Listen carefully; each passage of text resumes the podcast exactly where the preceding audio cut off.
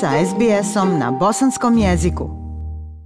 Aisha, pozdrav tebi i slušateljima SBS radija. Iza nas su praznici, kako prolaze dani. Od njih e, sve više zaraženih osoba u Bosni i Hercegovini.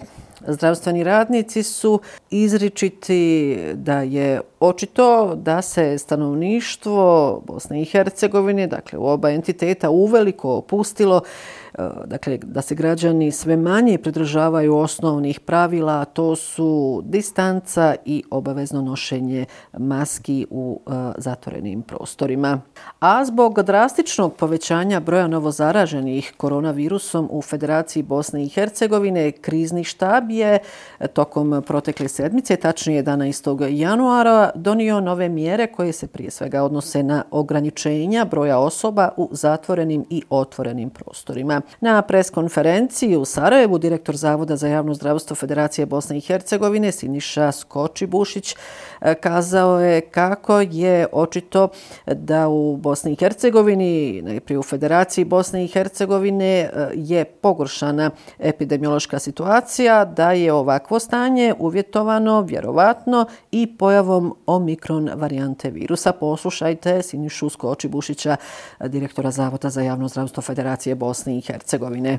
U odnosu na prošli tjedan mi ključni parametri i indikatori koje pratimo jest da je se broj novo potvrđenih slučajeva podvećao za 98%, sedmodnevna incidencija za 98%, broj pacijenata na respiratorima za 37%, broj umrlih za 29% u odnosu na prošli tjedan. E, pomoćnik federalnog ministra zdravstva Goran Čerkez kazao je na istoj preskonferenciji da je trenutna situacija ozbiljna te da se krizni štab odlučio na određene restrikcije. E, kazao je da kantonalni krizni štabovi mogu samo donositi oštrije mjere u odnosu na one koji su utvrđene. Napravljene su i korekcije vezane za trajanje testova u sklopu pravila vakcinisan, testiran, prebolio. Poslušajte Gorana Čerkeza, pomoćnika federalnog ministra zdravstva. Broj okupljanja u zatvorenim prostorima sa 50 smanjuje se na 30.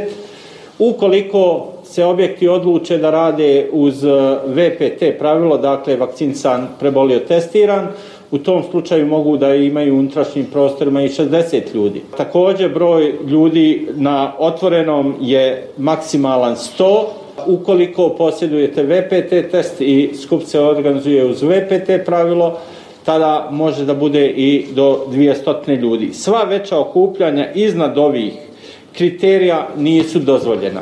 U ovom trenutku Kina, kongresi, konferencije e, ostaju na broju 100. Koliko ste prebolili, vaš test od sada vrijedi 4 mjeseca. Druga stvar, antigenski test vrijedi 24 sata. PCR test sa 72 sata se spušta vrijednost na 48 sati i ukoliko ste cijepljeni sa tri doze vrijedi 9 mjeseci, a ukoliko ste sa dvije doze vrijedi 6 mjeseci. A iša prema posljednjim podacima, e, u 24 sata bilo je zaraženih više od 3160 građana Bosne i Hercegovine, a 11. januara na Međunarodni aerodrom Sarajevo dopremljeno je novih 96.000 doza vakcina protiv koronavirusa Moderna, a koje su Bosni i Hercegovini donirale Sjedinjene američke države.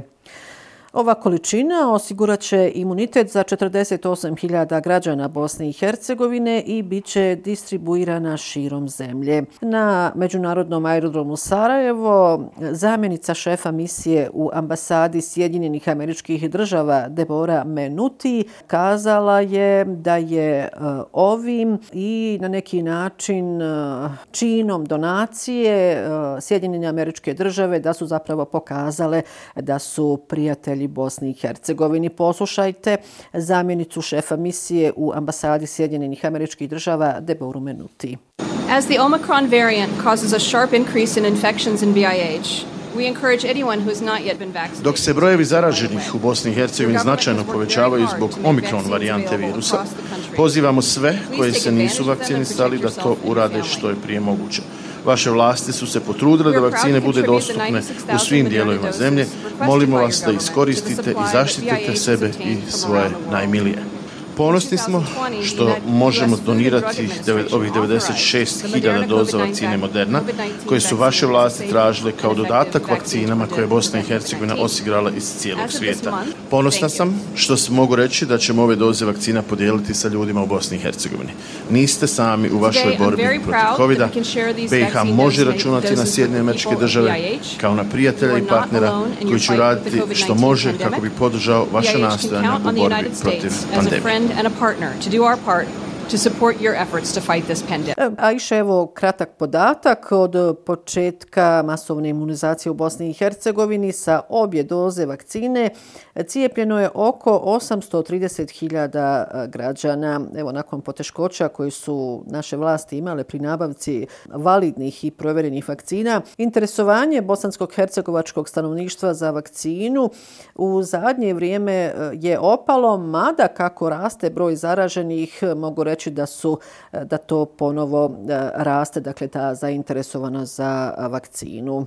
Iako iz zdravstvenih institucija navode da u njihovim izvještajima nisu evidentirani i oni koji su cijepljeni izvan granica Bosne i Hercegovine ili u drugim dijelovima Bosne i Hercegovine koji nisu u njihovoj nadležnosti, ipak zabrinjavajuće što više od pola stanovnika Bosne i Hercegovine još uvijek nije vakcinisano. Pa A i evo u nastavku još nekoliko aktuelnosti. Grupa građanskih aktivista okupljenih oko udruženja Restart organizovalo je 10. januara nove proteste ispred zgrade OHR, dakle Ureda visokog predstavnika u Bosni i Hercegovini, pod nazivom Buđenje građana. Neki od zahtjeva su očuvanje mira na Zapadnom Balkanu, prekide blokade državnih institucija te poništavanje odluka Narodne skupštine Republike Srpske o povratu nadležnosti. Stotine okupljenih građana zahtjevali su obraćanje visokog predstavnika Kristijana Šmita, što se i dogodilo dogodilo.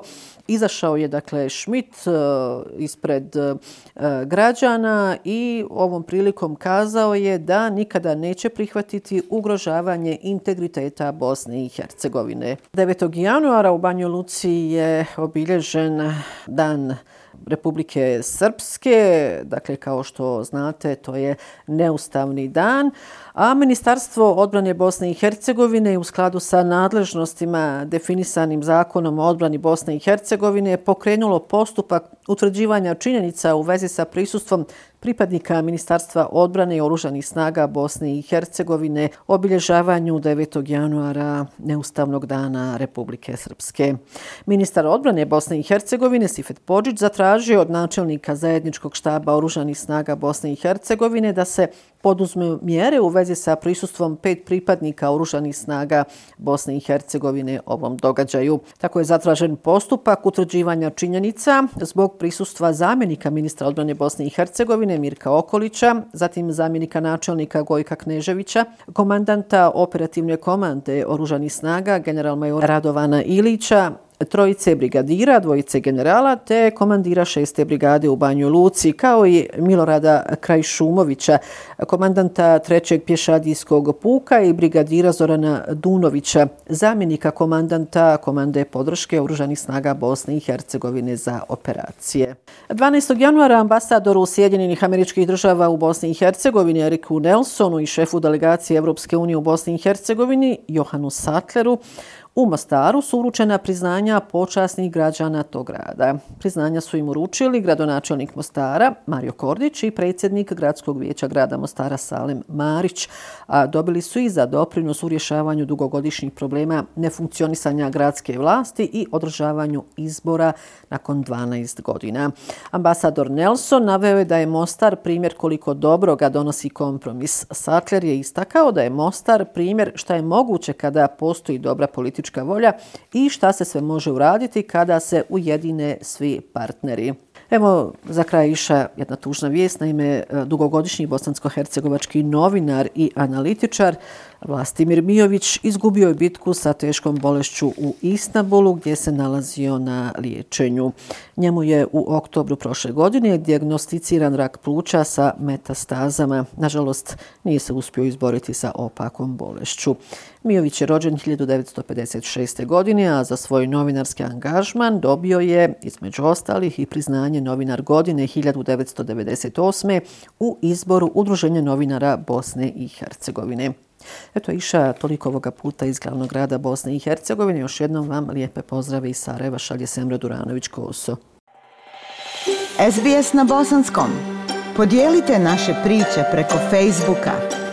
Želite poslušati još ovakvih priča?